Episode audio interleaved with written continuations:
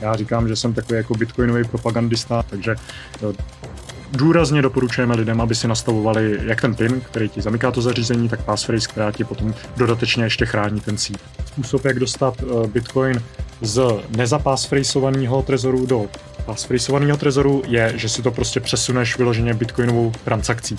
Je dobrý nápad říct kamarádovi, hele, já tomu vůbec nerozumím, pojď se tady vedle mě sednout a pojď mi nastavit uh, ty seedy tak, jak to má být dobře zabezpečený. To je velice uh, riziková záležitost, protože Trezor ti uh, neukáže znovu sít, který už uh, dřív si opisoval. Je dobrý si kupovat po někom ojetej Trezor? To určitě není dobrý nápad uh, a je dobrý si tady uvědomit, jako, že uh, není uh, úplně dobrý nápad uh, snažit se ušetřit prostě na zařízení, který ti má zabezpečit třeba nějaký prostě stovky tisíc nebo miliony.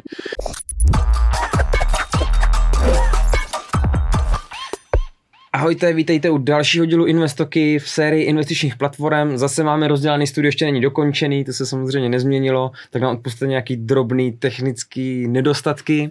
A v dnešním díle se podíváme na to, kde vlastně nejlíp, jak nejlíp zabezpečit svoje kryptoměny. Prostě když si koupíte Bitcoin, tak se vždycky říká, stáhněte si ho na Trezor. Asi víte, že zkrachovala teďka burza FTX a ten, kdo držel eh, Bitcoiny a jakýkoliv kryptoměny na té burze, tak přišel o všechno.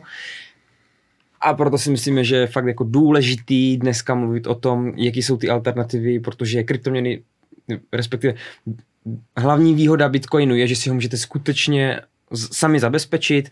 A v České republice máme, máme uh, Slaše, což je člověk, který, který v podstatě udělal první hardwareovou peněženku, je to taková světová vlastně svět, světový unikát, že to vzniklo v Česku a podle mě to nejlepší způsob, jak zabezpečit uh, svoje kryptoměny a na to jsem si pozval hosta Pepu Tětka, který zastupuje vlastně společnost Trezor. Pepo, děkuji, že jsi přijal pozvání. Já děkuji za opětovní pozvání. Uh, ty jsi vlastně první, první host, který je tady po druhý. Což vlastně jsem se včera, my jsme měli včera Kryptosklip, jak jsem se bavil s Kicem, po cestě a říkal, že, Pep, že jsi taky jediný host, který byl, který byl u něho dvakrát, ne?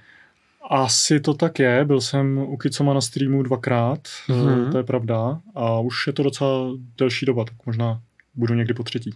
Okay. A možná prozradím tady, když už se bavíme o Kicomovi a mhm. podcastech, mm-hmm. že uh, chci dělat live stream s Kicomem. Mm-hmm. Zdá se, že to bude 15. prosince a dáme takový recap toho, co se během roku stalo právě, jako jsou tady ty krachy, burs a služeb typu BlockFi a prostě Luna a takovýhle a trošku se u toho pobavíme. Tak, tak nezapomeňte dát odběr kanálu Stekuj.cz mm-hmm, jo, díky. a Pepa Tětek. Josef Tětek? Jak to máš? Josef Tětek. Ale Josef i Pepa, jako Josef obojí Tětek, Stekuj.cz. A samozřejmě se podívám na ten díl. A teď teda na Trezor. Ty jsi vlastně stal, ty jsi přidal do toho týmu Trezoru, uh, děláš tam s nimi vlastně analytiku a podobné věci. Mm-hmm. Asi to jenom v rychlosti řekni a pak se vrhneme na to, jestli si člověk má koupit uh, Trezor, proč si ho má koupit, uh, jaký si vlastně má koupit, jaký jsou výhody, nevýhody. My vlastně s těm lidem zprostředkováme to, že vezmeme zástupce té společnosti třeba těch řešení, co využívám já a pobavíme se o, o tom, jak, jaký jsou rizika, jaký chyby třeba často dělají lidi, tak aby vlastně, když už si někdo koupí Trezor, tak aby jsme jim díky tomuto videu dali, dali uh, návod na to, aby to fakt dobře zabezpečil, aby třeba vlastní chybou nějako něco nepřišel a... Mm-hmm, jasně, takže uh, ta první otázka byla, co vlastně dělám pro Trezor. Přesně tak. Ale eh, dělám takovýho eh, reprezentanta, mluvící hlavu, analytika taky částečně. Um, ta pozice se oficiálně dřív jmenovala brand ambassador, teďka jako spíš bitcoin analyst. Um, je celkem jedno, jak tomu říkáte. Já říkám, že jsem takový jako bitcoinový propagandista a propagandista prostě bezpečného držení, mm-hmm. self-custody, jak se říká v angličtině. A obnáší to to, že prostě píšu třeba pro Bitcoin Magazine, pro BTC Times, pro jiný média, chodím do podcastů, eh, prostě reprezentovat jako tady ty myšlenky Bitcoin a self-custody, eh, jezdím po konferencích, letos jsem se dostal na zajímavé místa, jako prostě v Miami, ta největší bitcoinová konference, v Oslu zase Oslo Freedom Forum a teďka eh, krátce potom vlastně, co asi vyjde tady ten díl, tak jedu do Gany na Africa Bitcoin Conference, zase tam budu v nějakém panelu s lidma se bavit o self-custody a prostě náročnosti jako hm, používání hardwareových peněženek a jaký jsou výhody, potenciálně nevýhody. Tady toho samostatného držení, protože mm, přizneme si to prostě, pokud to držíš ty sám, tak prostě máš za to tu plnou zodpovědnost, na což třeba některý lidi nejsou úplně připravení, ale uh, jako tou naší úlohou, jako bitcoinerů a lidí, co se prostě zabývají tím self-custody, je uh, za prvý ty nástroje vyrábět uh, a vytvářet tak, aby byly jednoduše použitelné, aby byly intuitivní, aby se lidi nestříleli do nohy takzvaně a za druhý prostě vysvětlovat těm lidem, že dlouhodobě to je jediný možný způsob držení bitcoinu, protože jakmile to lidi budou držet na i vzdálen, zdánlivě důvěrhodných služ, službách, jako je FTX nebo BlockFi, tak o to prostě dlouhodobě přijdou tím či oným způsobem. Bych možná klidně v rychlosti, ani to nemusím vysvětlovat do hloubky, jenom řekl takový ty nejčastější mýty, co si, co si lidi myslí je, když ztratím tento trezor, přijdu o, o všechny své bitcoiny? Uh, neměl bys. Uh, zase je to na tvý zodpovědnosti. Musíš si při nastavování trezoru obsat takzvaný recovery seed, obnovovací seed. Uh, bývá to 12 nebo 24 slov, jako v tom základním nastavení. Uh, 24 slov to má trezor Model 1, uh, P má 12 slov. A e, pokud máš obsaný tady ty slova, tady ten seed, tak e, si můžeš e, tu svoji peněženku obnovit buď v jiném trezoru nebo v nějaký kompatibilní peněžence a ta kompatibilita je jako maximální možná, protože to používá BIP39 standard, na kterým běží vlastně všechny bitcoinové peněženky. Takže dá se říct, že ani ty bitcoiny neleží přímo na tom zařízení, to zařízení pro mě jenom rozšifrovává to, že s těma bitcoinama můžu pohnout, takže když ho ztratím nebo zničím, tak vlastně to neznamená, že jsem přišel svoje bitcoiny. Je to tak, je to tak, díky, že to zmiňuješ, je to právě jeden z těch častých omylů, že ty bitcoiny jsou nějak v tom samotném zařízení, ale uh, není to tak. Uh, to zařízení jak taky správně poznamenáváš, je šifrovací zařízení, je to prostě takový jako hardwareový token, který ti vygeneruje uh, nějaký privátní číslo, který má prostě obrovskou množinu, jako víc než je atomů ve vesmíru, že jo. Uh, a uh, tady to privátní číslo prostě z toho máš vygenerovaný potom ty adresy a právě, eh, aby si mohl spendovat z těch adres, aby si mohl prostě hýbat s tím bitcoinem, který je na těch adresách, tak potřebuješ poskytnout té síti validní podpis, který vychází právě z toho privátního klíče. A uh, ty privátní klíče jsou teda uložený v tom zařízení, ale můžeš si je obnovit potom kdekoliv jinde a nesmíš, uh, nesmíš se spoléhat jenom na to zařízení. Můžeš právě to ztratit, uh, zničit, může to odejít, je to prostě spotřební elektronika, po x letech to může prostě odejít a ty vždycky musíš mít dobře uschovaný ten svůj backup, ten recovery seed, ze kterého to někde obnovíš. To je vlastně to nejdůležitější, co máš ohledně Bitcoinu. Není to to zařízení, je to skutečně ten recovery seed. Uh-huh. A v případě, že teda mi to zařízení někdo ukradne, tak se může stát, že vlastně on se mi může dostat k těm bitcoinům, jak tady toto funguje? Uh, hypoteticky se to stát může, uh, proto uh, tady ty zařízení mají uh, několik, několik uh, front obrany, řekněme. A tou první úplně je PIN, který zamyká to zařízení, takže když někdo vezme trezor, zapojí ho do počítače, tak to po něm bude chtít PIN, eh, číselný, prostě 4 až eh, tuším asi 50 čísel snad může být, eh, což bych nechtěl vyklikávat teda, ale můžeš to tak mít nastavený. A pokud tady ten PIN zadáš špatně, a teďka si úplně nespomenu, 10krát, 16krát, myslím, 16 tak, tak myslím, hmm. jo, bude to 16krát, tak se to zařízení vymaže. A navíc po každém špatném špatném zadání pinu se uh, zdvojnásobuje uh, doba mezi uh, pokusama těch pinů. Takže Vím, že byl jeden případ, že někdo zadal ten pin špatně třeba desetkrát a pak už, pak už musel čekat půl roku asi na nový pokus. To je jako velice, velice zajímavá metoda právě zabránění toho, aby někdo jako takhle brute forceoval ty piny. To je teda jedna linie obrany, že to máš zamknutý tím pinem. A druhá linie obrany je potom passphrase, eh, to už není číselný, tam můžeš mít opravdu cokoliv, může to být třeba věta, jak eh, je takový ten XKCD eh, typ Battery Horse Staple, že to je prostě něco, co si jako spíš zapamatuješ třeba. A passphrase, ta vlastně nezamyká to zařízení, ta ti vlastně modifikuje, jaký peněženky a jaký privátní klíče se ti vygenerují z toho recovery seedu. Je to, řekněme, takový 25. slovo toho seedu, nebo 13. Mm-hmm. slovo seedu. A passphrase není uložená na tom samotném zařízení, takže nelze nějak jako extrahovat, kdyby někdo prostě si to otevřel, měl na to ty znalosti, měl na to, eh, to zaří, ty zařízení, což je jako speci, docela specializovaná věc, tak by hypoteticky z toho mohl třeba vytáhnout eh, pin obejdeš, protože ten seed jakoby na to nepotřebuješ mít PIN, když už máš seed, ale pokud máš ten seed zabezpečený passphrase, tak to z toho zařízení nějak nedokážeš dostat a zároveň ta passphrase ti chrání právě ten papírek nebo destičku s tím tvým recovery seedem. Takže důrazně doporučujeme lidem, aby si nastavovali jak ten PIN, který ti zamyká to zařízení, tak passphrase, která ti potom dodatečně ještě chrání ten seed. Takže mám uh, eh, 12 nebo 24 slov, který si někam bezpečně uschovám, uh-huh. mám PIN, kterým se přihlašuju do trezoru a mám passphrase, která je vlastně fráze navíc. A zároveň třeba si můžu koupit jeden trezor do domácnosti, kde je jeden PIN, ale můžu říct, že třeba si můžu nastavit ty podúčty bitcoinový, že třeba když tam dám uh, Libor, třeba passphrase uh, Libor 681 9414, uh, takže se vlastně dostanu do své peněženky a zároveň třeba moje žena může mít uh, svoje passphrase, který mm-hmm. já mhm. třeba neznám, nemůžu jít k jejím bitcoinům a stejně tak třeba děti, když mají, tak vlastně můžu vygenerovat x podúčtů na tom trezoru, že jo? takže to, to, to jedno zařízení může fungovat pro více lidí.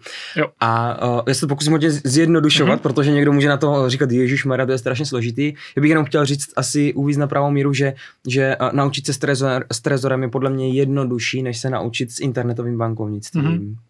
Jo, že... uh, to UX, ta uživatelská zkušenost s tím uh, a onboarding do Trezoru, když ho poprvé zapojíš a jdeš si ho nastavovat, tak myslím si, že to se jako uh, takhle bylo to od začátku dost dobrý, ale během let se to ještě výrazně zlepšovalo hmm. právě na základě feedbacku uživatelů, na základě toho, že prostě lidi, když s tím dělají roky, tak už jako víc mají představu o tom, co by ta hardwareová peněženka jako měla dělat, co by, jak by tě měla navádět. Například pokud pokud si nastavíš ten trezor a uh, nebo píšeš si ten seed, tak ti to tam prostě bude pořád svítit, jako tady ten trezor není backup play, nemáš prostě obsaný seed. Mm-hmm. Když si jdeš opisovat ten seed, tak tam je samozřejmě upozornění, prostě nefoť si to, nepiš to do nějakého cloudu, uh, do nějakých poznámek na počítači, prostě skutečně to musíš manuálně rukou obsat anebo vyrazit do nějaký ocelové destičky, těch, řeš, těch řešení je spousta. Uh, a jak správně zmiňuješ, uh, s jedním seedem, s jedním trezorem můžeš mít prostě vytvořenou hierarchii hierarchii různých peněženek právě například na úrovni té passphrase. Potom to můžeš dělat i na jiný úrovni, uh, přímo jako v Trezor Suite, v té aplikaci, kterou používáš s Trezorem. Tam si taky můžeš generovat accounty a to je zase spíš uh, pro tebe, že ty máš jako, řekněme, svůj passphrase na tom Trezoru a chceš mít třeba oddělený accounty ohledně toho, odkud ti přicházejí peníze. Máš třeba peníze z burzy nebo bitcoiny z burzy, pak máš bitcoiny třeba z nějakého vexlování, pak máš bitcoiny jako příjem třeba z podcastu podcastu, tak to si uh, taky můžeš takhle rozčlenit na úrovni právě accountů v Trezoru. Ale ta passphrase uh, ti vlastně chrání to, aby ti třeba ostatní lidi nekoukali na tvoje účty, pokud používáte jeden za, jedno zařízení s jedním sídem. Uh-huh, uh-huh.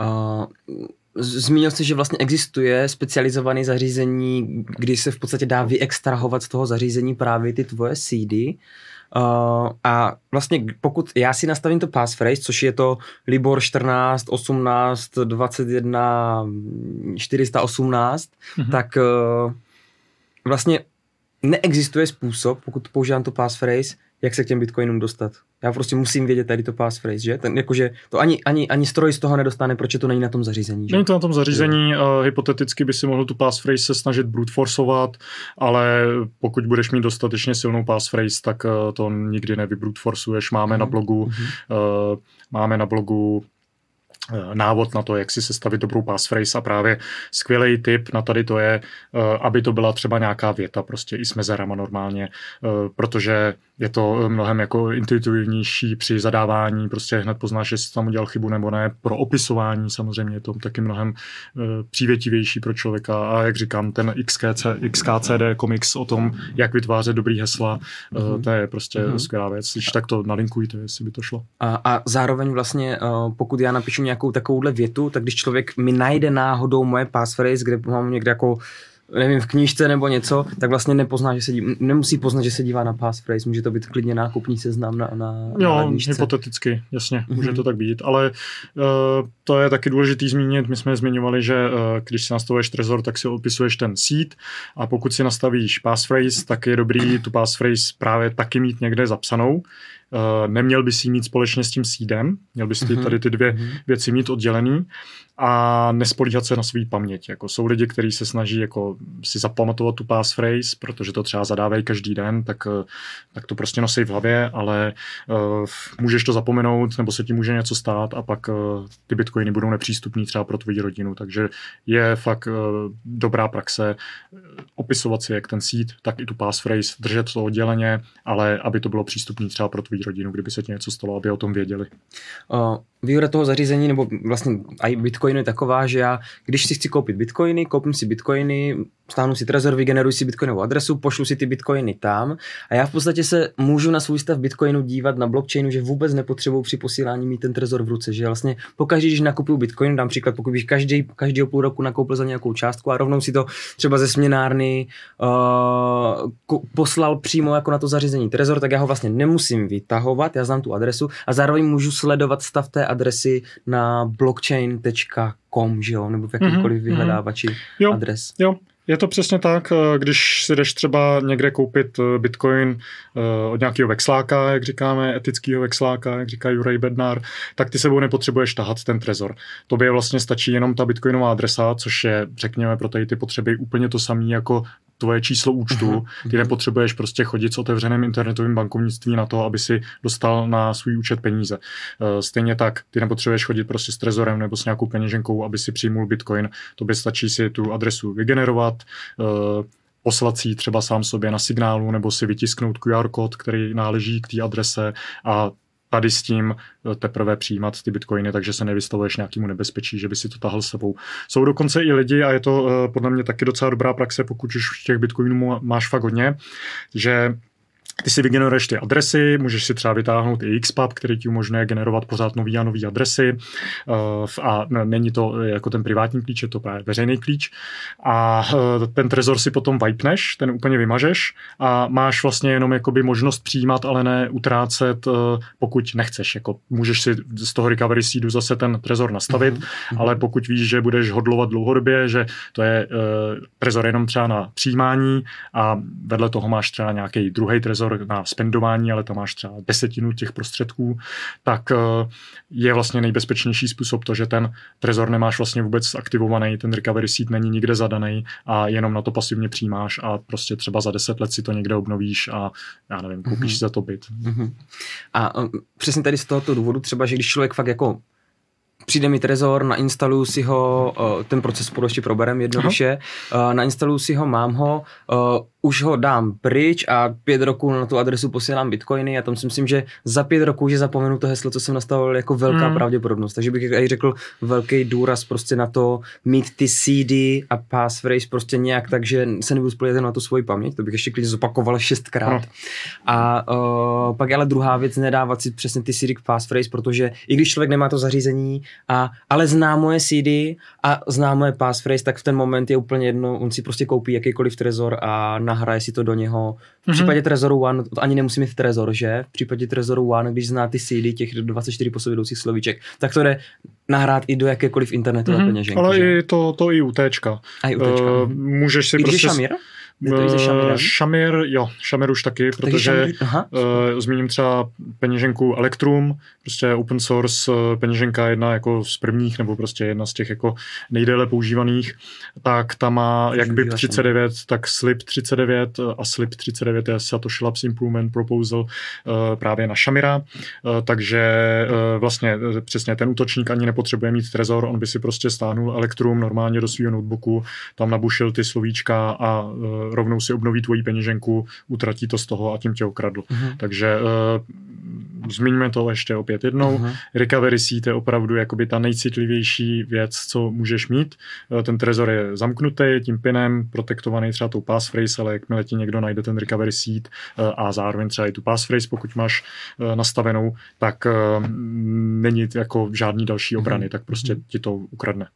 Na druhou stranu, uh, to je dobrá zpráva, že už existuje právě na ten na, na, na Shamira, že existuje uh, mm. internetová peněženka, uh, že vlastně když mi někdo ukradne to zařízení, tak i v případě, že já už bych nesehnal, nedal se koupit a podobně, jakože další zařízení, tak vlastně já se k, tom, k těm bitcoinům stejně dostanu a i bez té společnosti Trezor, respektive i kdybych třeba odletěl do Ameriky, protože válka, mm-hmm. tak nemusím z Ameriky kupovat český zařízení Trezor, který jo. mi nikdo nepošle. Je to tak, tady to je obecně v Bitcoinu a v té bitcoinové infrastruktuře uh, velmi důležitý, aby jsme používali otevřený standardy, všechno bylo open source a všechno bylo prostě co nejvíc kompatibilní, protože nechceš mít uh, ten single point of failure, toho, uh, ten prostě kritický bod, že někde ti něco selže a nebudeš mít možnost jako se dostat ke svým bitcoinům, takže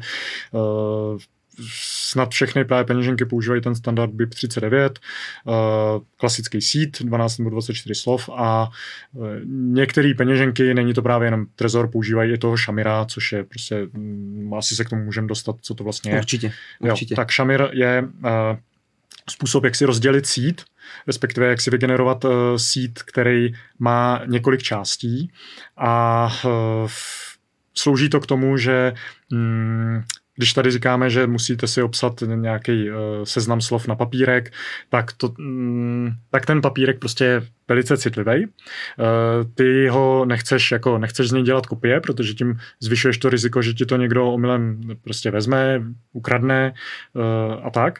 Ale zároveň, uh, pokud máš jenom jeden ten papírek někde u sebe doma, tak ti může prostě vyhořet byt a potom si o to zase taky přišel.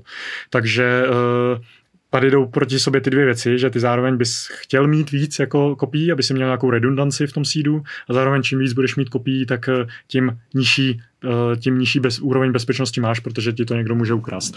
A tady to řeší právě Shamir, protože ty si můžeš vytvořit sít, který uh, má třeba pět částí a pro obnovení přístupu k bitcoinům potřebuješ třeba jenom tři z těch částí. Takže sami o sobě jsou ty jednotlivé části nezneužitelné, to je prostě jenom nějaký seznam slov, který když napíšeš do Trezoru, tak ti to napíše, OK, napiš mi ještě další části a pokud je nemáš, tak nedostaneš přístup k tomu bitcoinu. A řeší to právě ten problém, že kdyby ti vyhozel byt, kde máš jeden share toho Shamira uh, a někde jinde máš zase další čtyři a potřebuješ tři k obnově, tak se vlastně moc nestalo. Vyhořel ti byt, jako no, zase tak hrozný to není, ale Bitcoin pořád máš, to je nejdůležitější. Takže Shamira, Shamira obecně doporučuji lidem, kteří už se nějak naučili prostě pracovat s Bitcoinem, s Trezorem, chápou prostě citlivou povahu toho sídu, mají třeba víc prostředků a chtějí mít prostě vyšší míru jistoty, že si zase nevytvořili nějaký single point of failure tím, že mají prostě někde v zásuvce jeden papírek uh, s recovery seedem. Já osobně už bych prostě uh, byl docela nervózní z toho, kdybych měl bitcoiny jenom právě na tom jednoduchým recovery seedu. Používám už roky uh, T s nastaveným šamirem a ten šamir je prostě nějak geograficky rozdělený, abych uh, prostě měl tu možnost obnovy, i kdyby na, boom, na dům prostě spadla bomba. A uh, ten Shamir backup mi v podstatě nabídne, já si můžu vzít, kolik těch papírků chci, a klidně můžu, a, a i z kolika se to vytvoří. Já, můžu, já můžu říct, chci jich 8 a ze 4 to dáme dohromady a můžu nastavit, chci jich 8 a ze 7 to musí být dohromady. Že? Je to já tak, vlastně... je to tak. Uh, maximální počet shareů uh, v Shamirovi je 16 uh-huh. uh, přes Trezor Suite. Tuším, že když by si šel přes command lineu, tak uh, si můžeš vytvořit uh, ještě něco většího, pak je jako taky schéma Super Shamir, kde jednotlivý ty sharey toho Shamira zase mají prostě uh, tu Shamir strukturu, což je jako už trošku, trošku geekovská věc a zase bych to tak jako nekomplikoval. Jasně ale maximální počet shareů teda řekněme, že je 16 a můžeš si vytvořit jako třeba 2 z 16 nebo 15 z 16, jako můžeš si s tím hrát, ale je dobrý se nad tím zamyslet, eh, aby si zase nepostavil nějakou úplný nesmysl. Nejčastější používaný bývají eh, schémata 2 ze 3 nebo 3 z 5, mm-hmm. protože většinou jako 3 nebo 5 jako lokalit eh, nějak poskládáš, a mm, chceš tam mít uh, nějaký prostor pro uh, pro možnost toho, že prostě jeden nebo dva ty sharey nějakým způsobem zmizí, ztratíš je, eh, někdo to omylem vyhodí, takže určitě není dobrý si dělat třeba Shamira 3 ze 3. Eh, vždycky by to měl být třeba 2 ze 3, nebo 3 ze 4, nebo 3 z 5, uh-huh, uh-huh. abys tam měl právě tu redundanci. Máš nějaký konkrétní místo, který doporučuješ nebo naopak nedoporučuješ na uschování? Někdo řekne, hele, jeden, aby se to dalo i dědit ty bitcoiny potom, hmm. takže někdo řekne, hele, jeden do advokátní úschovy, jeden do bankovní schránky, jeden, máš nějaký místo, kam to nedoporučujete dávat, nebo naopak, co si myslíte, myslíš, že je dobře? Eh, já si myslím, že ty bankovní schránky jsou docela jako špatný nápad, popravdě, protože když máš něco v bankovní schránce, tak seš evidovaný, že prostě máš tady tu bankovní schránku a v určitých případech ti na to prostě ta banka může šáhnout. Může prostě to otevřít jako nějakým orgánům veřejné moci a zpřístupnit jim to. Takže Obyčejný sít bych určitě nedával do bankovní schránky, protože to je prostě uh, taková poloveřejná záležitost. Uh, už Shamira uh, dát do bankovní schránky jenom prostě jednu z těch částí, třeba jeden z pěti, není zas tak citlivý, protože ti to jako nikdo nevykrade, ale zase ta úroveň té bezpečnosti tam třeba dlouhodobě nemusí být taková, protože prostě uh, různý, různý orgány ti do toho prostě můžou šahat. Mm-hmm. Samozřejmě pokud mám passphrase, tak eh, se k tomu nedostanu ani tak, ale chápu. Jo, mhm. přesně tak, no. Mm-hmm. Základ je používat passphrase. Všichni, kdo máte Trezor a nepoužíváte passphrase, chováte se špatně ke svým bitcoinům. no, no, a, a zároveň bych zmínil, pokud máte prostě fakt nějaký větší prostředky, uh, v Bitcoinu tak je dobrý opravdu si nastavit toho šamira, protože nechceš mít ten single point of failure. Uh-huh. A uh, neměl by si rozdělovat uh, obyčejný sít, jako že si ho rozstříháš prostě těch 12 slov jako na uh, 2x6, uh, tím strašně snižuješ jakoby uh, tu bezpečnost toho sídu, protože pokud by ti někdo našel 6 slov z těch 12, tak uh, ta možnost brute forceovat potom celý ten sít uh, je jako už docela pravděpodobná. Tam eh, nemám přesně teďka v hlavě jako ty přesní čísla, ale 12 slov by si brute forceoval jako třeba miliony let a uh, dodatečných šest slov, když už těch prvních šest slov znáš, by si brute forceoval třeba rok, řekněme, jako mhm. řádově. Mhm. Řádově se to mhm. pohybuje zhruba takhle. Takže nerozdělovat si ten obyčejný sít jako uh, ve stylu, že si vytvořím jako vlastního šamira. Uh, tak jako, jsem to dělal já, když ještě neexistovalo Přesně, téčko. přesně. Takhle to lidi, takhle to lidi jako dělali, protože nepochopili, uh, co si tím vlastně způsobují. Proto vznikl ten šamir právě v roce 2018 v téčku, aby jsme jako lidem dali do ruky ten správný způsob, jak si ten sít vlastně rozdělit. Tak a Odpověděl jsem teďka na otázku, už nevím vlastně, jaká byla. O, jo, v podstatě můžeme klidně navázat, že do bankovní úschovy bys to jo, ideálně nedával. Kam, kam to dávat, mm. kam to nedávat. No, uh, takhle. U toho jednoduchého sídu 12 nebo 24 slov je mnohem právě citlivější, kam to svěříš, protože uh, obzvlášť pokud nemáš nastavenou tu passphrase, tak to je skutečně ta nejcitlivější věc, co můžeš mít. Takže tam bych to měl fakt eh, pod jako vlastní kontrolou, maximální, maximální možnou vlastní kontrolou. U Shamira, když máš schéma třeba 3 z 5, tak eh, ty jednotlivé lokality už vlastně nejsou zas tak citlivý. Tam už bych do toho klidně i prostě zahrnul třeba členy rodiny nebo nějaký hodně dobrý kamarády, který uh, prostě jakoby neměli vědět třeba kolik máš toho bitcoinu, měli by vědět, že tady ten seznam je prostě jako důležitý, a kdyby se s ním něco stalo, tak ti mají dát vědět, eh, nemůžou to vykrást a neměli by taky vědět, kde jsou ty ostatní šéry, aby prostě se nějak třeba nespolčili proti tobě. Takže eh, zhruba takhle o tom uvažovat. Myslím si, že právě eh, Šamer ti tady v tom hrozně pomáhá, že nejseš tak vystresovaný z toho, že máš nějaký miliony prostě někde v šuplíku na papírku, ale těch šuplíků a těch papírků máš mnohem víc a když se s jedním něco stane, tak pořád budeš mít ten přístup. Jasně. A od, dejme tomu, úplně od A do Z v podstatě jsem nováček, chci si teďka řeknu, hele, slyšel jsem o Trezoru, vyberu si Oneco nebo Tčko a jdu si ho koupit. Celý ten proces, kolik to stojí, jak dlouho, do, kdy mi ten Trezor dojde, co musím udělat, když mi dojde co si mám u toho pohlídat, když třeba opisuju ty CD, takže od nastavení pinu prostě krok za krokem teďka, kdybys měl popsat vlastně, jak to celý funguje. Mm-hmm. Dej mi jednoduchý návod, vůbec nevím, co je to Bitcoin, teď jsem si nějaký koupil a chci ho zabezpečit, takže, takže jdu na web, přes koho to kupovat, přes jo. koho to naopak nekupovat, co mm-hmm. si mám hlídat. Mm-hmm. Uh, můžou lidi nakupovat přímo uh, na stránkách Trezoru, trezor.io, tam máme e-shop, uh, zasíláme po celém světě, kromě nějakých pár zemí, kde prostě ta logistika je třeba složitější nebo jsou sankcionovaný a tak dále. Uh, ten seznam zemí máme uvedený, ale pro český diváky prostě do Čech a na Slovensko posíláme. Uh, je možný kupovat u resellerů. Eh, je dobrý si zkontrolovat, jestli pokud někdo nabízí Trezor, tak jestli je uvedený v našem seznamu oficiálních resellerů. Máme prostě na trezor.io právě seznam resellers. Eh, je tam třeba Alza, Alza taky prodává Trezory a eh, je možný to zkontrolovat. Úplně asi nejbezpečnější způsob je koupit to prostě přímo u nás, protože tam jako člověk nemusí řešit, uh, jestli to uh, jako je legit nebo ne. Trezor.io Ano, trezor.io je uh, určitě neskoušejte jako googlovat vyloženě stránky Trezoru, je dobrý prostě zapsat vyloženě do příkazového řádku trezor.io, protože jsou bohužel, objevují se falešní stránky, které jsou jako phishingový, uh, snaží se z vás vytáhnout ten váš recovery seed. No a uh, když si objednáváte Trezor, tak docela dobrou praxí je objednat si to třeba eh, do kanceláře eh, nebo do PO Boxu, pokud mhm. tady to máte k dispozici, neobjednávat to přímo na svoje bydliště, protože někdo to může sledovat, že prostě eh, tady prostě byla objednávka takového zařízení prostě na nějakého konkrétního bydliště. To je prostě citlivý, citlivý údaj pro vás, protože někdo si z toho může dovtípět, jo, ten má asi hodně bitcoinů a vím, kde bydlí, takže si tam za ním zajdu.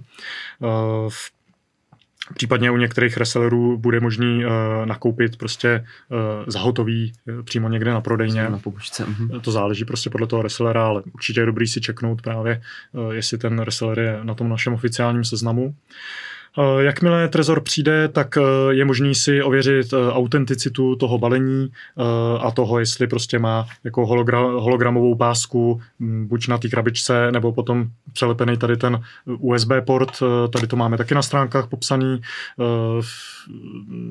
Když si člověk najde na těch stránkách Trezor jako authenticity nebo unboxing, tak tam je prostě přesně popsaný, jak by to mělo vypadat. Mm-hmm. Kdyby to bylo nějaký podezřelý, tak prostě na to nenahrávat jako ne, nesnažit se tam prostě dostat ty své bitcoiny.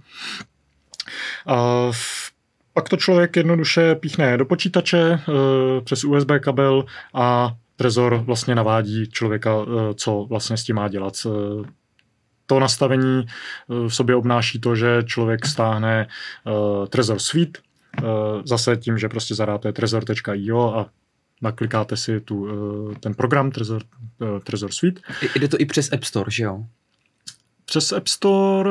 Je to přes App Store? Mm, ne. Ne, aha. Nedoporučil bych, eh, pokud je něco, co se tváří jako Trezor Suite eh, v nějakém App Storeu, tak to bude fake, my nemáme žádnou mobilní aplikaci. Mm-hmm. V současnosti není žádná oficiální trezorová aplikace a pokud něco najdete třeba eh, v Apple App Store nebo v Google Play Store, tak není co se tváří jako, že je trezor, tak to zase bude nějaká phishingová aplikace. Mm-hmm. Jo? Mm-hmm. Takže stahovat to vyloženě z trezor.io. ten ano. krok. Mm-hmm. ano. Uh, stáhnete si Trezor Suite, uh, nainstalujete si firmware, to zařízení nemá předinstalovaný firmware, to si instalujete potom až sami.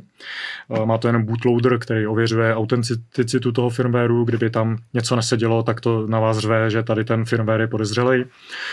A pak projdete onboardingem, eh, právě vygenerování seedů, obsání eh, nastavení pinu, nastavení passphrase. Takže, takže ještě to, klidně to rozepsat, prostě vygenerování seedu, jo. super, hele, dostal jsem bit, uh, Trezor, nainstaloval jsem si Suite, můžu si nainstalovat aplikaci do telefonu, jde to i ve webovém rozhraní, ale nedoporučujete to, že jo, do nějakého prohlížeče internetového. Lepší je mít tu aplikaci. Je možný pracovat uh, s Trezorem přes Google telefony, přes Androidí telefony, ale je to právě uh, Trezor Suite pro web. Je to jako webová verze Trezor Suite. Hmm. Není to aplikace, kterou si právě nainstalujete do toho telefonu. Na té aplikaci budeme příští rok dělat, měli bychom ji vydávat během příštího roku, ale v současnosti skutečně žádná taková aplikace není a objevují se prostě falešní aplikace. Super. Takže uh mám aplikaci už dejme tomu, nebo, nebo ve webovém rozhraní se přihlásím Aha. a uh, zadám tam vlastně první, co mě vyzve, tak je, abych zadal CD nebo PIN, teď si nejsou jistý.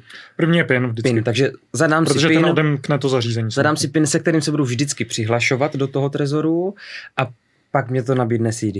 Uh, nastavení. Teďka, teďka si úplně nepamatuju, jak ten onboarding takhle probíhá, ale uh, jako první to vygeneruje seed, který si musíš obsát a pak si dodatečně můžeš nastavit ty další uh, linie obrany, jako je právě PIN a passphrase. A bezpečnostní pravidla teda. Samozřejmě počítač by neměl být zavírovaný, nebyl měl bych nějaký malware, takže počítač by měl být ideálně prostě důvěryhodný a ne třeba pracovní počítač nebo počítač. Je to lepší, ale je to lepší, ale Trezor je uh, byl koncipovaný tak, aby si s ním mohl pracovat i na totálně zavěrovaném počítači, prostě někde ve veřejné knihovně. Super. Uh, protože ty seedy se ti zobrazují právě na tom zařízení, ne na počítači. Mm-hmm. A třeba na T máš možnost právě zadávat potom ten seed taky jenom na tom zařízení. Na jedničce uh, nemůžeš zadávat seed přímo na zařízení, protože nemá dotykový displej, ale Trezor ti říká, jaký slovo z toho seedu máš konkrétně zrovna psát. Takže ten počítač neví potom to pořadí. Když píšu CD, co bych si měl pohlídat? Aby vedle mě někdo seděl, mm-hmm. pomáhal mi, nebo aby na mě směřovala kamera? Jaké jsou bezpečnostní pravidla pro to, když si zapisuju CD? Jasně. Tak, bezpečnostní pravidla při obsání sídu jsou takový uh, nečíst to nahlas, když mm-hmm. si to mhm. zapisuješ, uh, mít zalepenou webkameru, mm-hmm. uh, nemít právě žádný jako nahrávání uh, obrazový, a jako samozřejmě ideálně ani zvukový, ale jak říkám, nečíst to na hlas. Eh, neměl by ti nikdo koukat přes rameno, neměl bys to dělat v, žádný, eh, v žádném veřejném prostoru, měl bys to dělat u sebe v klidu doma a eh, opisovat to vlastní rukou na papír a nebo zadávat do nějakého ocelového řešení, jako je prostě třeba kryptostýl a těch řešení je spousta. Neukládat si to do souboru na plochu. Nefotit si to, nepsat to vůbec do počítače, tak, že prostě nesmí být digitální kopie toho sídu. Musí to být skutečně jako analogově manuálně sestavený. Uh-huh. Já jsem to hnal úplně, když jsem to ještě dělal, tak jsem dělal to, že jsem si ty CD, už když jsem je psal na ten papírek, tak já jsem to zamotával, tak aby, aby když to někdo prosvítí ten papírek, když to dostane do ruky, tak aby to neviděl, abych vlastně kdykoliv k tomu CD přijdu, abych věděl, že s ním nikdo nemanipuloval. Hmm. Že to mám zalepený izolepou, třeba je tam konkrétní jako známka ochrana, jo. že vlastně vím, že nikdo to nerozlepil. V případě, že by to bylo rozlepený, tak bych věděl, že mám přesunout, mm-hmm. přesunout trezory na novou adresu. A... Jo, jo, tady těch uh, jako paranoidních způsobů je docela hodně, taky jsem si ještě vzpomněl při tom opisování sídů, uh, člověk může udělat, jako zahrát si na Snowdena, uh, jestli si viděl ten dokument o Snowdenovi, tak on vždycky zadával heslo do počítače, takže přes sebe přehodil deku, uh, protože jako nemůže si být opravdu jistý, jestli Jasně. třeba, když seš v hotelu, jestli tam není nějaká skrytá kamera. Jasně. Takže je dobrý pokud jako uh, chceš být maximálně jako safe a jsi paranoidní, tak prostě přehodit přes tu deku, pod tím obsat ten seed, uh, pak to nějak prostě zakrýt, uh, složit třeba dohromady a teprve potom vylíst spod té deky. Jinak to, co zmiňuješ, uh, aby nebyl ten seed jako na první pohled jednoduše třeba ofotitelný, tak uh, mně se právě líbí právě uh, to řešení CryptoSteel Capsule, kdy ty uh, nandaváš na takový trn plíšky s jednotlivýma písmenkama toho sídu a ty musíš jako potom na to, aby si ten síd přečetl, ty plíšky jako posouvat po jednom, takže si z toho nemůžeš udělat jednoduchou fotku. E, zatímco když máš někde prostě třeba papírek s tím sídem, tak někdo ti to může vyfotit a ty si to vůbec neuvědomí, že ten síd už je kompromitovaný. Mm-hmm. Takže e, líbí se mi tyhle řešení, kde ten síd jako z toho není jednoduše na první pohled čitelný nebo ofititelný. Jakmile zadám sídy v podstatě a mám, mám uh mám napsaný CD, mám to někde ve skříni, mám PIN, v podstatě se můžu přihlásit do Trezoru a vygenerovat si bitcoinovou adresu jo. bez passphrase. Jo. Už jsem tam, ale furt nemám passphrase. Co musím udělat teda? Musím si zadat tu passphrase. Navíc všichni to udělejte, nikdo to nepřeskakujte. Zadejte si passphrase. Jak to funguje teda? Jak mám zadat passphrase, když už mám? Eh, nastavíš si eh, v settings, v nastavení eh, té Trezor Suite tady tu dodatečnou ochranu passphrase. Ono tě to vyzve, OK, napiš passphrase, myslím si, že se asi potvrzuje dvakrát, proto aby si neudělal nějaký překlep a to, co ti vlastně to zařízení potom udělá, je, že ti to vygeneruje úplně novou sadu jako adres, privátních klíčů a veřejných klíčů a adres a to některý lidi jako trošku může zaskočit, že pokud uh, jsem už měl nastavený trezor a na něm byly nějaký bitcoiny a pak jsem si nastavil passphrase, tak najednou po přihlášení pod tou passphrase nevidím ty své bitcoiny, protože najednou jsem v úplně jiný sadě peněženek a způsob, jak dostat uh, bitcoin z nezapassphraseovaného trezoru do passphrasovaného trezoru je, že si to prostě přesuneš vyloženě bitcoinovou transakcí. To znamená, že zadáš passphrase, vygeneruješ si adresu, tu si nějakým způsobem skopíruješ, pošleš sám sobě, eh, potom se přihlásíš do trezoru zase bez té passphrase a musíš to z těch starých peněženek poslat na tý nový pod passphrase. Je dobrý nápad říct kamarádovi, hele, já tomu vůbec nerozumím, pojď se tady vedle mě sednout a pojď mi nastavit uh, ty sídy, tak jak to má být dobře zabezpečený? To je velice uh, riziková záležitost. pokud, by, pokud je ten kamarád jako skutečně hodně důvěryhodný, tak uh, minimálně uh, zase prostě opisování jako slov uh, manuálně, analogově a ten kamarád, jako pokud je etický, pokud jako opravdu jako chce poradit správně, tak by měl vyzvat toho uživatele, ať si to opíše sám a neměl by prostě vůbec vidět ty uh, slova sídu, protože co se potom může stát, pokud uh, ten nový uživatel někde udělá nějakou chybu, že třeba ten mm, sít jako vyfotí a někdo mu to ukradne, tak uh, ten rádce by měl být, jako měl by mít alibi. Měl, neměl by prostě být naš, našknutelný z toho, že mu to mohl ukrást. Uh-huh. Uh-huh. Super.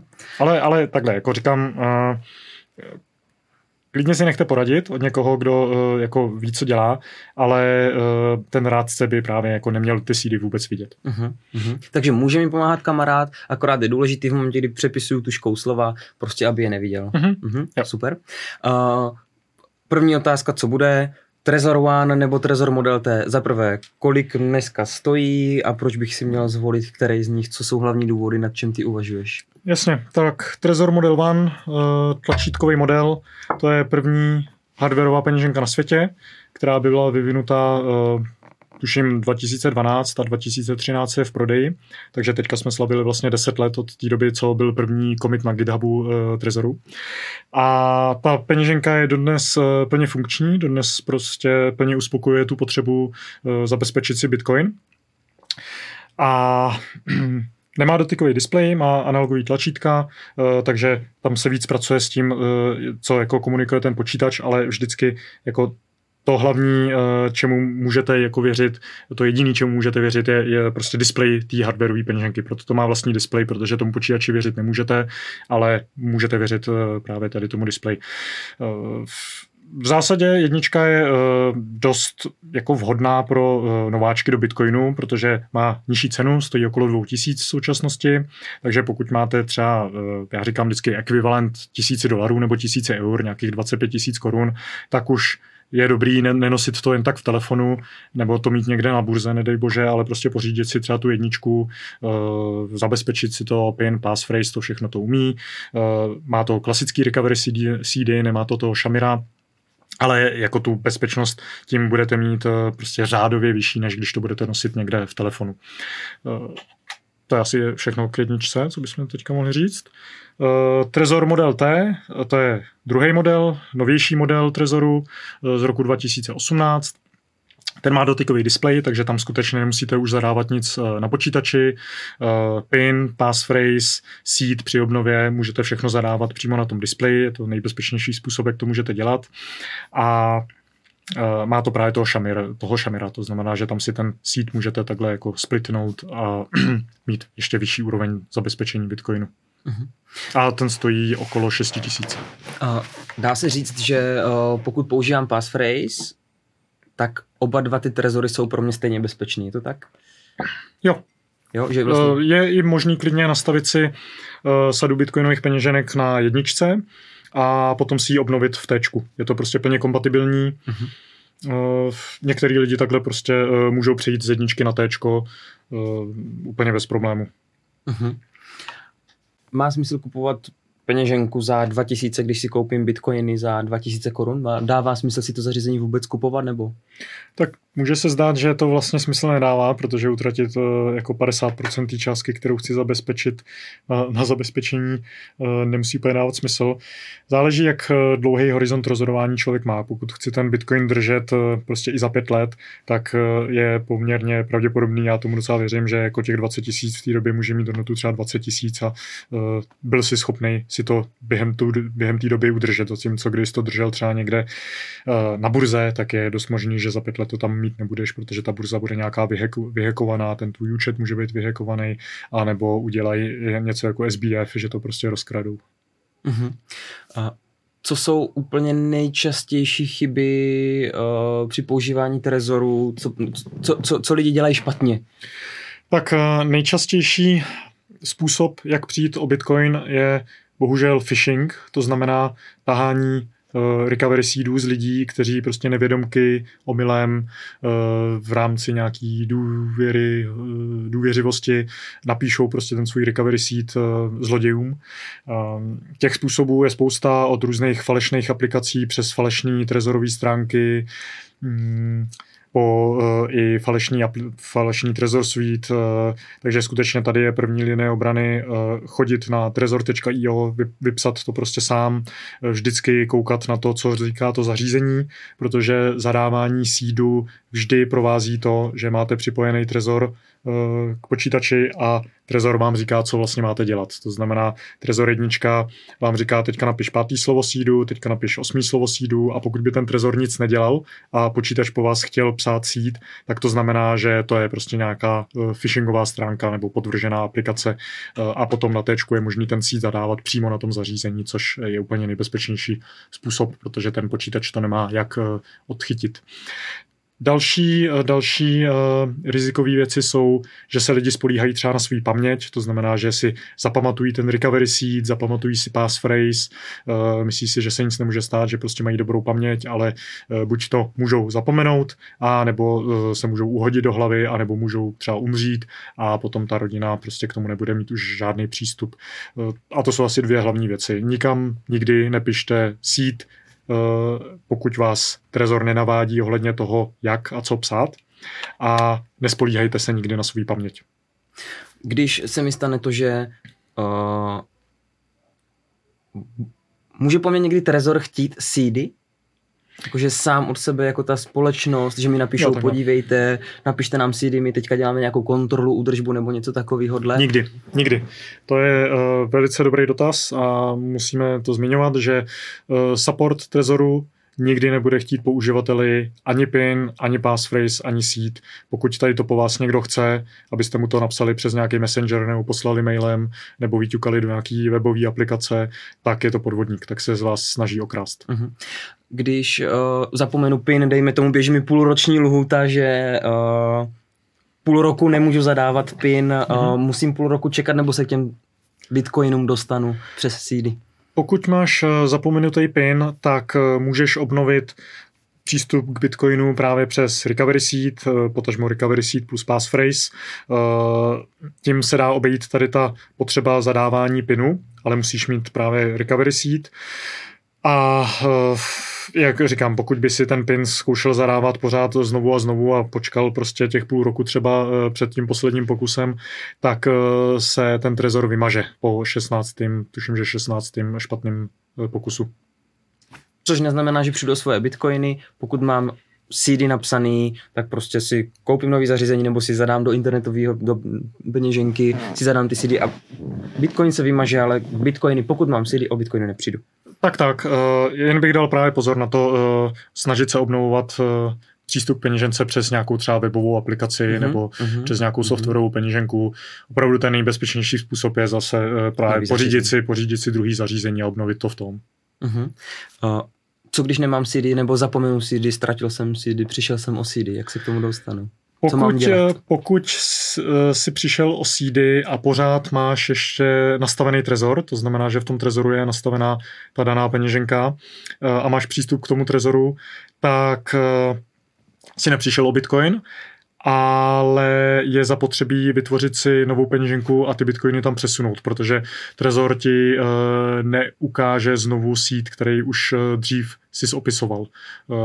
Ty máš možnost eh, dělat třeba dry run recovery, to znamená ověřit si, jestli ten tvůj seed je v pořádku, tím, že eh, to prostě zadáváš, procházíš tím obnovovacím cyklem, ale Trezor ti nikdy není schopný už ukázat uh, recovery seed, který ty jsi už dřív opisoval a je to zase bezpečnostní prvek, protože kdyby někdo přišel k počítači, kde je píchlej trezor, který je odemčený uh, a chtěl tě okrást nějak jako nepozorovaně, tak by si prostě jenom zobrazil ty seedy. Takže uh, pokud nemáš seed, ale máš pořád nastavený trezor, tak uh, tak ty bitcoiny prostě musíš vyvíst na peněženku, ke který si ty seedy už opíšeš. Uh-huh.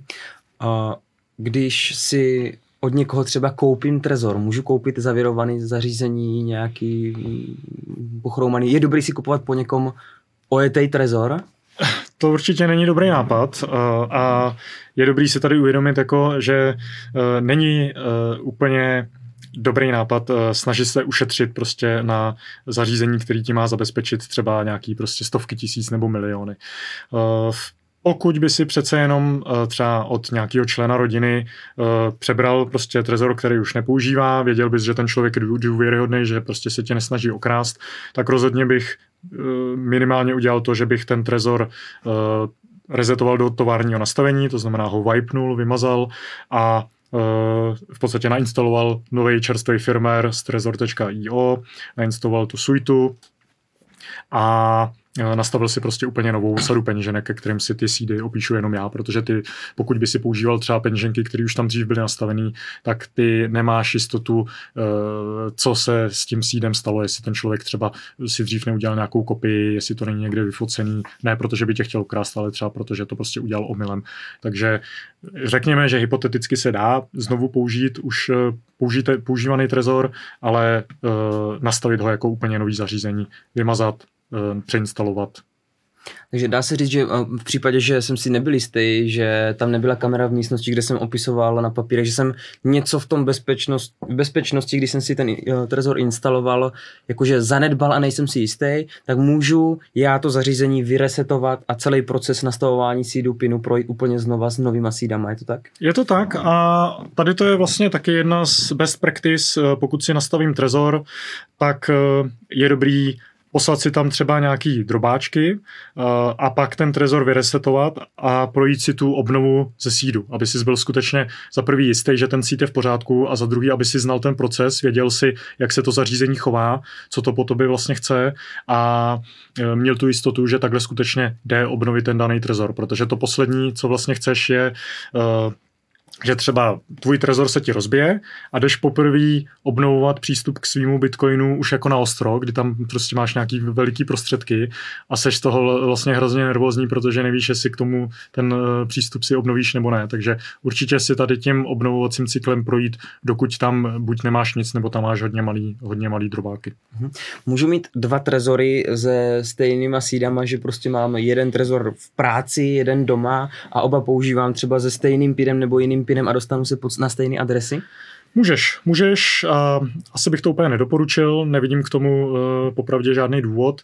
Uh, je to prostě bezpečnostní riziko mít jednu peněženku uh, vlastně vytvořenou na, na dvou místech, nebo vyvolanou na dvou místech. Hmm, prostě buď používej uh, dvě sady peněž, peněženek, anebo uh, na to přijímání si prostě vygeneruj, předvygeneruj třeba adresy dopředu a tak. Mm-hmm. Uh, existují věry do počítače, že když kopíruju bitcoinovou adresu, takže když dám CTRL-C, takže počítač si schválně hmm. uloží falešnou adresu jinou, uh, která je adresa vložená útočníkem, dejme tomu. Jo. Uh, jak se proti tomu můžu bránit? Jak mě toto zařízení chrání proti? To je takzvaný clipboard uh, malware a po phishingu je to asi nejčastější způsob, jak útočníci cílí na bitcoinery.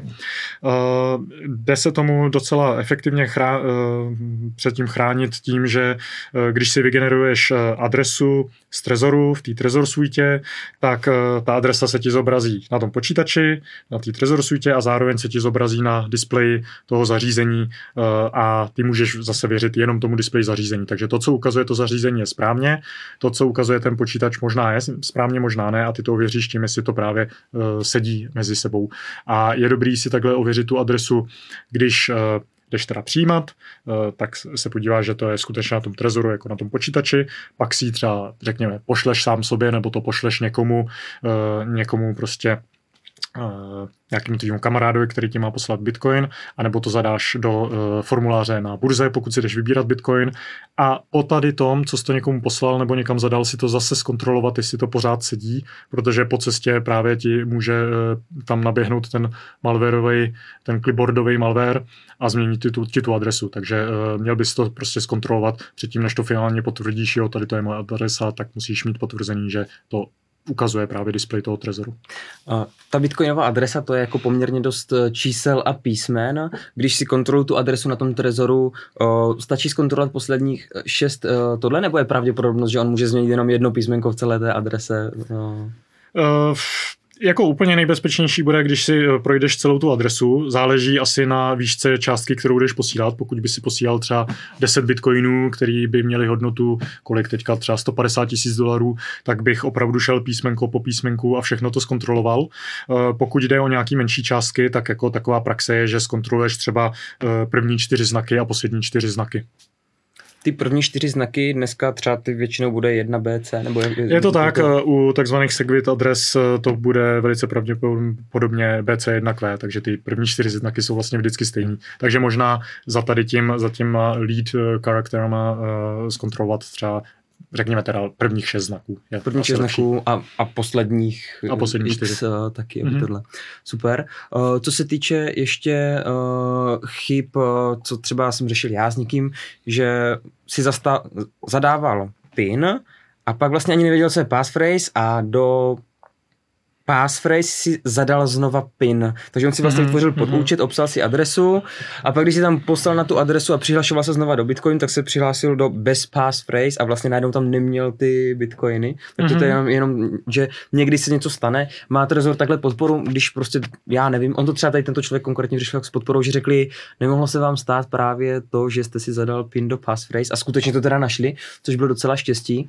Uh, Existuje možnost, že já sobě uškodím tak, že vlastně vůbec už se nikdy nedostanu k těm bitcoinům a jak?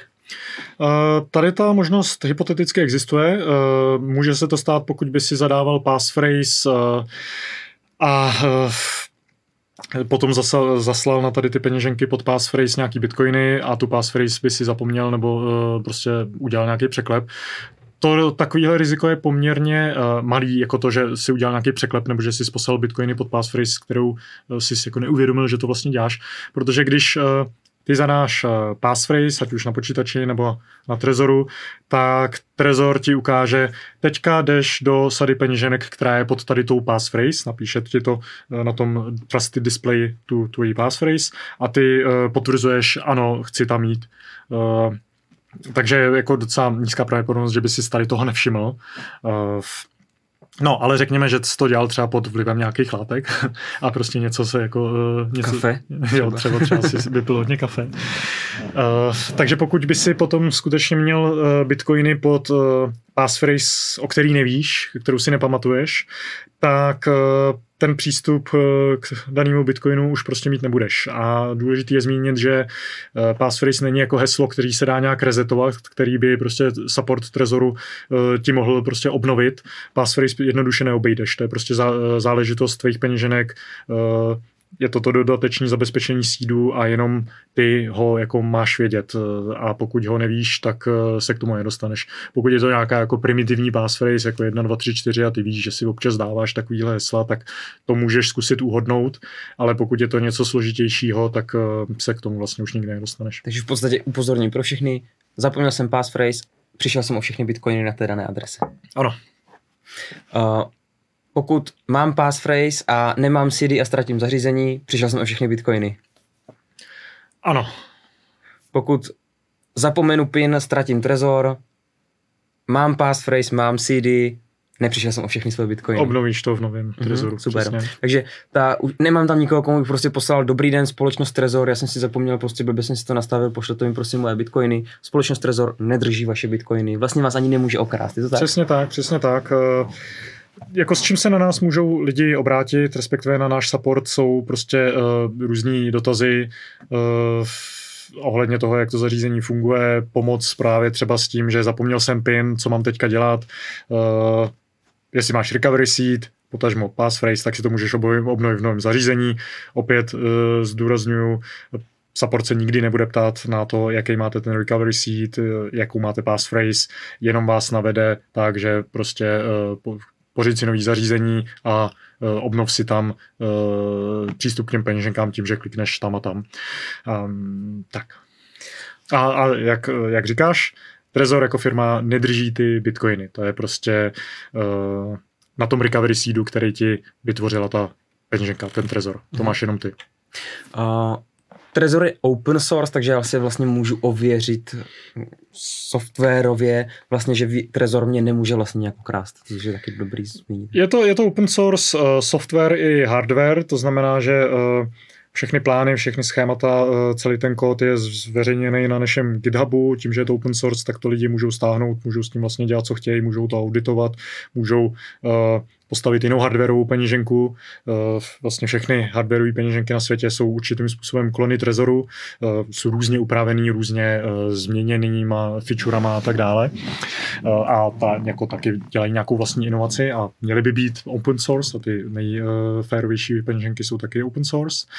A jasně, ty si můžeš zkontrolovat, že třeba random number generator, který ti vytváří ten recovery seed, je skutečně random, skutečně jakoby dělá to, co říkáme, že by měl dělat, to si můžeš ověřit, ale většina lidí třeba nejsou úplně jako technicky zdatní, takže to, s čím ti pomáhá open source jako takový, je, že jsou lidi, kteří tady to testují, kteří pravidelně třeba revidují uh, ten kód, koukají do changelogu, koukají, co se změnilo v tom kódu, ověří, jestli to skutečně dělá to, co říkáme, že by to mělo dělat.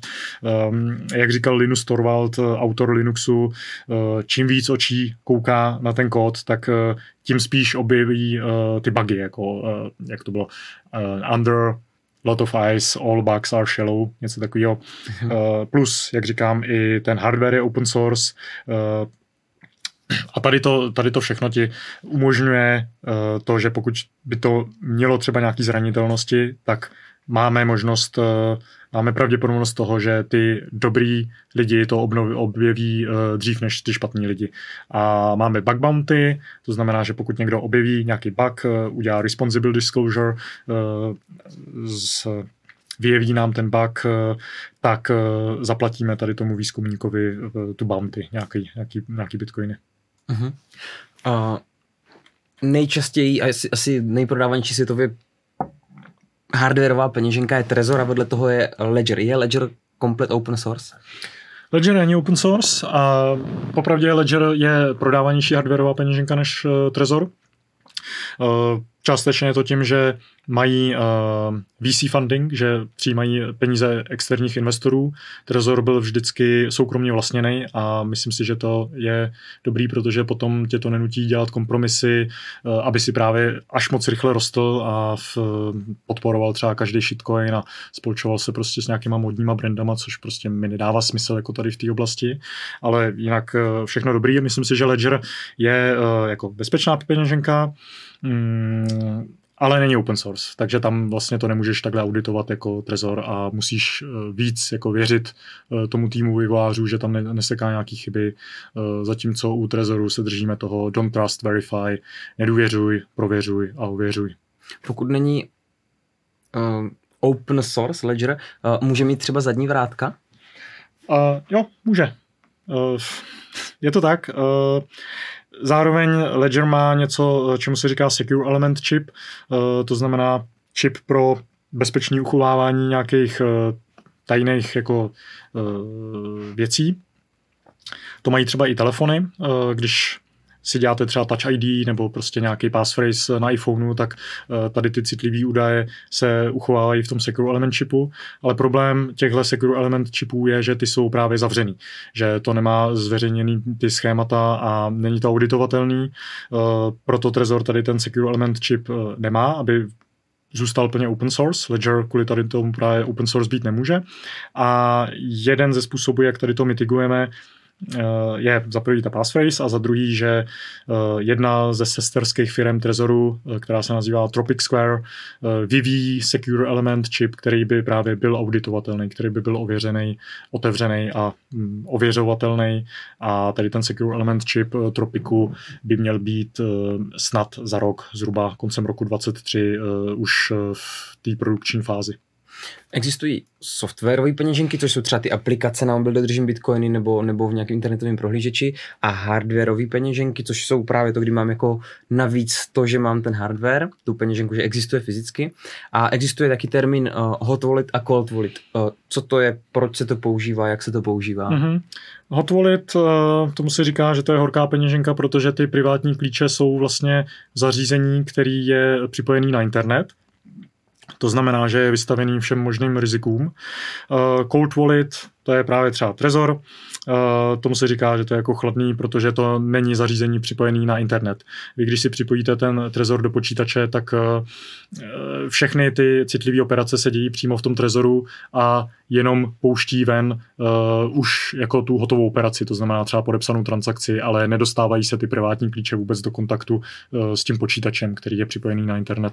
Uh, cold wallet nebo cold storage, jako jsou hardwareové peněženky, je uh, ten nejbezpečnější způsob pro držení větších obnosů Bitcoinu. Uh, to ale neznamená, že bychom jako neměli vůbec používat ty hot wallety.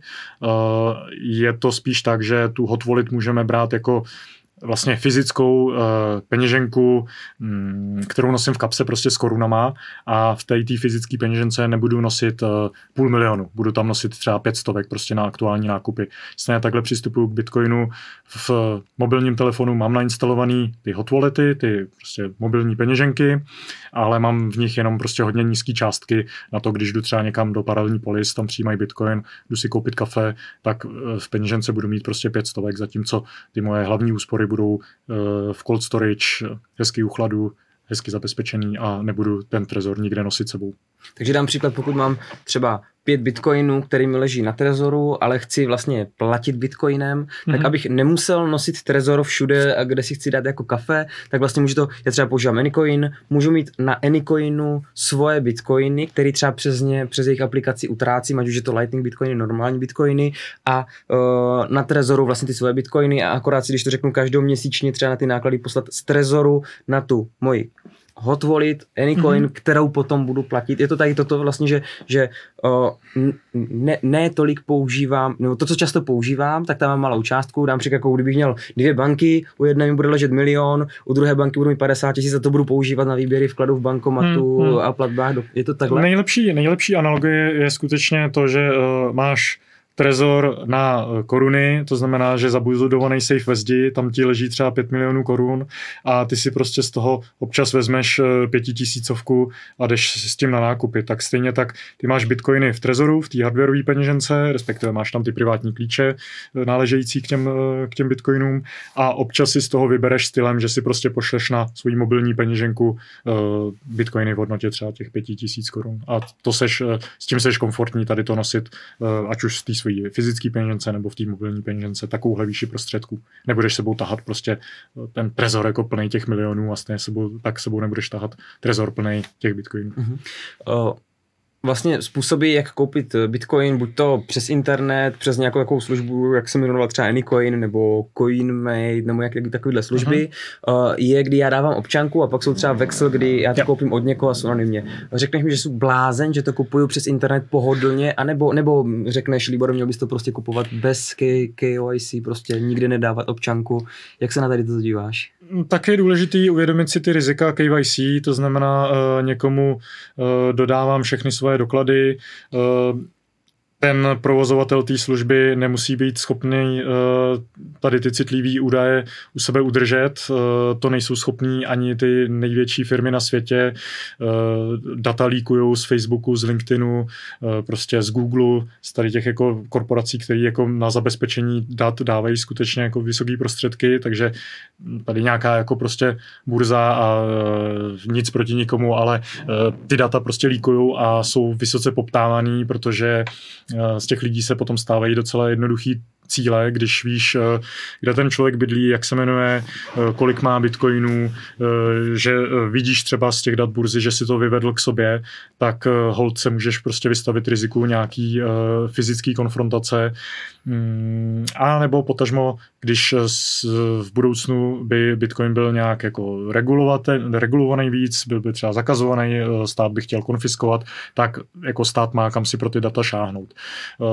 Samozřejmě mm, to takzvané vexlování, eh, další sesterská firma eh, Trezoru Vexel a aplikace Vexel, to může mít taky svoje rizika eh, a musí k tomu člověk přistupovat jako s trošku nějakou mírou zdravého rozumu. To znamená, že nejdu na setkání s anonymním člověkem na první obchod prostě rovnou třeba s milionem, ale dělám prostě nějaký menší nákupy a ideálně prostě od lidí, kteří jsou prověření, je to třeba známý mýho známýho, nebo je to prostě někdo, kdo vím, že v té komunitě je hodně aktivní a, a tak dále. Prostě být tady v tom jako rozumnej. Obojí obě ty, oba ty způsoby mají nějaký svoje rizika a je dobrý prostě s nima být seznámený. Uh, můžu si já třeba uchovat nějaký data na Trezor, takhle vlastně tak, jak se zabezpečují Bitcoin, uložit tam třeba nevím, fotograf, zdravotní dokumentaci, fotky pasů třeba pro případ, že by mi vyhořel dům a já jsem potřeboval se dostat přes hranice. Je taková možnost nějak ukládat uh, data na Trezor, jako na to zařízení? Uh, to možný není, tady na to, uh, to zařízení určený není, ale Trezor uh, má vlastně možnost eh, fungovat jako password manažer, eh, případně jako login token. Eh, jsou služby, které umožňují se přihlásit s Trezorem. Výčet těch služeb máme uvedený na webu. Případně je možný používat Trezor jako bezpečný password manažer, takže je možný si třeba zašifrovat tady ty data s tím, že ten šifrovací klíč je vlastně Trezor. Aha, aha super, super. Takže si zašifrovaný, uh, zašifrovaný data uložím třeba na cloud, protože jsou zašifrovaný, kdo se k ním nedostane, ale mít tu možnost vlastně, že se k ním přihlásím přes Tresor. Mhm. Mm-hmm. Jo, je to možný a uh, doporučuji případně pogooglovat uh, Google Password Manager, najít si to na stránkách, jak tohle funguje. Uh-huh. Uh, aplikace Trezor Suite, uh, co umí, co chystáte třeba, co plánujete, uh, jak ji vlastně používat, nebo jak má nějaký featurey dneska? Jasně, uh, ta suite, to je vlastně um, ta hlavní věc, která se v průběhu let nejvíc vyvíjí. Eh, máme tady jako dvě fyzické zařízení, jedno z roku 2013, druhý z roku 2018. To se může zdát jako, že tak jsme vydali tady eh, dvě zařízení a vlastně jako nic moc jiného neděláme. To by bylo jako daleko od pravdy, protože eh, ten hlavní vývoj je právě na na poli toho softwaru a potažmo firmwareu. A v suitě třeba během letoška se objevilo spoustu zajímavých nových funkcí, které vlastně všechny jsou spojené s Bitcoinem. Je to například možnost připojit si vlastní full node přes Electrum. V Trezor Suite v nastavení je možnost připojit si vlastní Bitcoinový backend, vlastní full node přes Electrum server. Pak Jedna z mých velice oblíbených a poptávaných feature je takzvaná coin control, to znamená, když utrácíš bitcoin, tak máš možnost vybrat si, který konkrétní bitcoin utrácíš eh, a pokud si labeluješ transakce, což bys měl, eh, tak víš, že prostě třeba tady ta transakce přišla tady z nějakého CoinMateu, z nějaký prostě burzy, kde eh, jsem prošel tím KYC procesem, OK, tak na to musím dát třeba větší pozor a měl bych víc přemýšlet o tom, kde tady ty coiny potom budu utrácet. Tady ty coiny jsou třeba někde z Vexlu nebo z nějakého mýho e-shopu, eh, tam, eh, tam eh, jako není žádná informace o mý identitě, tak s nima můžu počítat, jako že jsou prostě privátnější. Takže coin control to je velice jako dost jako důležitá funkce pro lepší práci se soukromím při bitcoinových transakcích. Další Další věc máme například Satoshi jednotky, což je taková jako kosmetická záležitost, ale ty si můžeš vybrat, jestli chceš eh, zobrazovat bitcoinové zůstatky v celých bitcoinech, anebo v Satoshi. A já mám ty Satoshi mnohem radši. Satoshi je nejmenší jednotka bitcoinu. Jeden celý bitcoin má 100 milionů Satoshi a ono to prostě působí líp, než koukat na to, že máš 0,001 bitcoinu, tak si tam dát, jo, mám 10 tisíc Satoshi nebo 50 tisíc Satoshi. je to jako psychicky mnohem, mnohem, mnohem hezčí. Hmm, přemýšlím, teďka pracujeme na CoinJoinu, eh, Trezor bude mít vlastně jako první hardwareová peněženka na světě možnost eh, coinjoinovat Bitcoin. Uh, CoinJoin je kolaborativní, transakce, snad to říkám dobře, kolaborativní, jo. Kolaborativní transakce s ostatníma uh, držitelama Bitcoinu, kdy vlastně vezmeme naše Bitcoiny, tak je jako zamícháme v takovém digitálním klobouku a vytáhneme si zpátky svoje Bitcoiny a obfuskujeme tím historii těch konkrétních Bitcoinových zůstatků je to prostě privacy feature. Uh, někdy začátkem roku by eh, CoinJoin měl být uh, aktivovaný a hm, z toho jsme jako docela nadšení, že tady ta možnost vlastně konečně bude přímo z hardwareové peněženky. Přemýšlím, přemýšlím, to, hm, jo, ještě taky, kde uh, probíhá tady ten vývoj, je integrace různých uh, partnerů přímo do Trezor Suite. To znamená, pokud chceš uh, třeba nakupovat nebo prodávat Bitcoin, tak ty vlastně nemusíš odcházet přímo, nemusíš odcházet z rozhraní té Trezor Suite a jako posílat ten Trezor, ten, posílat ten Bitcoin někam na burzu a tam jako nakládat s těma zůstatkama. Ty můžeš vlastně obchodovat s Bitcoinem přímo v té Trezor Suite a tady zmíním vlastně poslední sesterskou společnost Trezoru, to je Invity, která uh, integruje tady ty směnárenský partnery právě do Trezor Suite, aby si třeba mohl nakoupit Bitcoin a rovnou ho dostat do svého Trezoru, aby ti naležel právě někde takhle uh, na směnárně nebo na burze. Plus uh, z čeho jsem taky hodně nadšený, je, že uh, jeden tady z těch partnerů je Hodl Hodl, což je uh, non-KYC peer-to-peer burza, která funguje na principu multisigu a je možný uh, nakupovat právě takovýhle jako uh, privátnější bitcoiny, to znamená bez nutnosti identifikace, přímo od ostatních uživatelů uh, a to přímo právě v Trezor Suite. Takže hodl hodl pro ty, kdo chtějí mít jako vyšší míru soukromí, tak to je ta volba a zase není zapotřebí chodit do nějaký druhé služby, protože tady ta služba je integrovaná už v Trezoru. Můžu teda zeptat, v případě, že mám Bitcoin na Trezoru a chci si koupit Ethereum, nebo mám Ethereum a chci si koupit Bitcoin, tak vlastně to můžu províst jako už v Trezoru? Um, jo, přes tady ty partnery, uh, přes tu Invity a ty integrované služby je možný třeba nakupovat, prodávat Ether. Jaká... A ještě možná tady zmíním jednu věc, když už zmiňuješ jako ty ostatní coiny. Uh, pro uh, jako čistý bitcoinery je možnost uh, nainstalovat si Bitcoin only firmware, v suitě v jednoduše v nastavení si tady to lze přepnout a to potom znamená, že v tom UX té suity nevidíš jako ty ostatní coiny, vidíš tam jenom Bitcoin a stejně tak, když si aktualizuješ firmware, tak jenom firmware, který má něco dočinění s Bitcoinem, ti vyskočí jako možnost updateu. Mohl bych si třeba na Trezoru fakt jakože vyvázat Bitcoiny do Tedru třeba přímo jako v Trezoru teda? Uh, mohl, jo. Můžeš uh, právě přes Invity, uh, máš tam tlačítka v Trezor Suite, když jsme v Trezor Suite, tak tam máš tlačítka, tuším, buy, sell a trade. Uh, buy a sell znamená uh, výstup a nástup uh, z fiatu a trade potom znamená směna bitcoinu za nějaký jiný coiny nebo tokeny, jako je třeba Tether. Takže uh, můžeš přímo v Trezor Suite prodat bitcoin za Tether, pokud bys chtěl. Uh-huh. A uh, z fiatu? Z Fiatu uh, ano, právě přes integraci tady těch směnárenských partnerů uh, můžeš, nebo přes hodl hodl. S tím, že záleží právě, jaká je ta platební metoda a uh, co ta služba nebo protistrana vyžaduje od tebe uh, jako uh, nějakou registraci nebo identifikaci. Ten hodl hodl je v tomhle vlastně jako nejsnažší, protože tam nic takového není, tam se nemusíš nikde registrovat uh, a prostě na principu multisigu to funguje velice bezpečně. Kolik by mě stála taková transakce, kdybych chtěl Bitcoin vyvázat do Tedru a, a, a zpátky třeba? To je klasická bitcoinová transakce, takže tam se to řídí uh, prostě mining uh, fíčkama, Uh, a samozřejmě ty směnárenský partneři si tam berou taky nějaký fíčko, který bude zase z objemu. Uh-huh. Pohybuje se to přibližně kolem jednoho procenta. Jež, to jsi mě zaskočil, ale uh, bude to pod procento. Jako co se týče uh, fíčka těch uh, směnáren, tak uh, tam, tam se si myslím, že, se to, že? že tam se to určitě se ukáže. ukáže všechno. Uh-huh. A mělo by to být, tuším, pod procento. Ale uh-huh. jako koukněte se na to případně a uh, rozhodně se tam uh, všechny náklady na tu transakci uh, zobrazí. CoinJoin někdo by řekl, hele, jako tady ty anonymizační prvky jsou špatně. Dá, dá se říct, že pokud třeba tři roky používám stejnou adresu, je tam vidět veškerá historie a někomu chci poslat bitcoiny a nechci, aby se tři roky zpětně díval na všechny moje transakce, dá se říct, že je to taková jako Můžu si každý rok prostě jenom přehnat Bitcoin na novou adresu přes CoinJoin a tím smažu historii, takže nikdo vlastně neví historii mých transakcí, je to tak? Mm, ano, Um, dobrá praxe je uh, nepoužívat uh, na příjem bitcoinové transakce uh, jako adresu, kterou už jsem použil.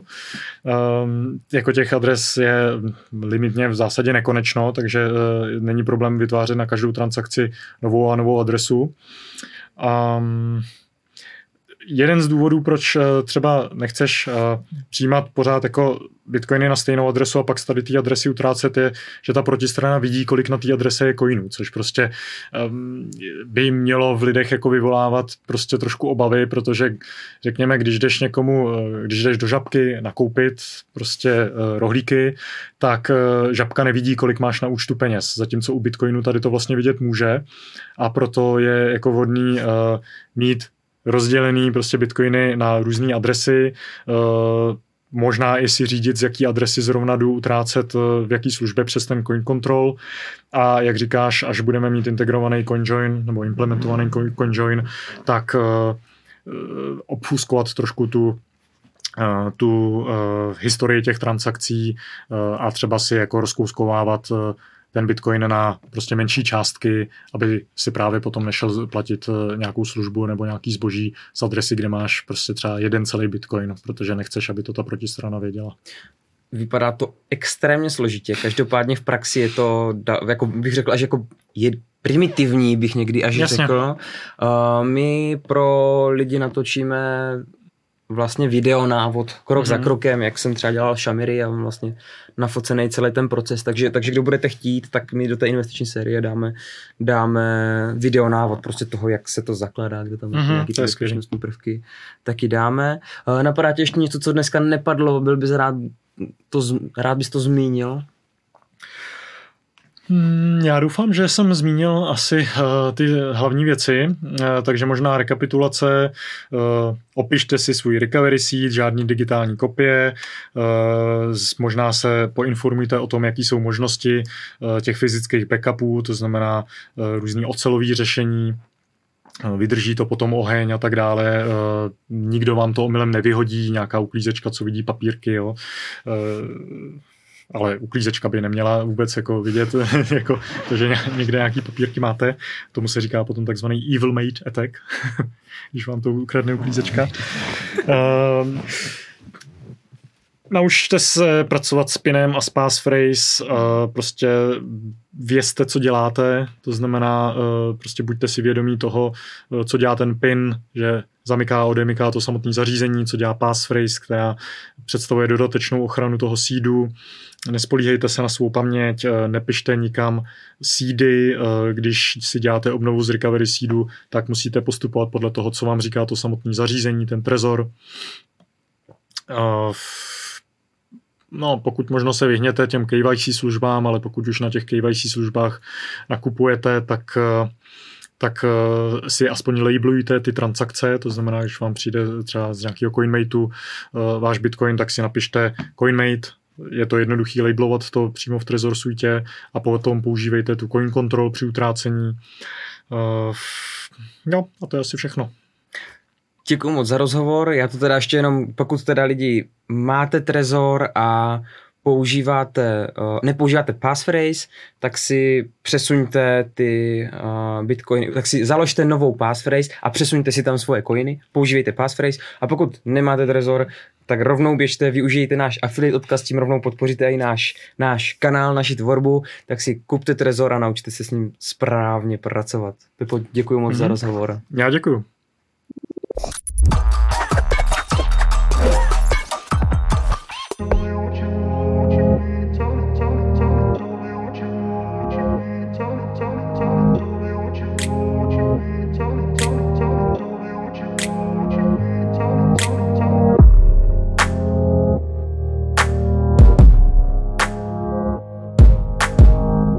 Má pouze informativní charakter a není investiční radou. Před použitím pečlivě čtěte příbalový leták. Zdroje k videům a grafům najdete v popisku videa.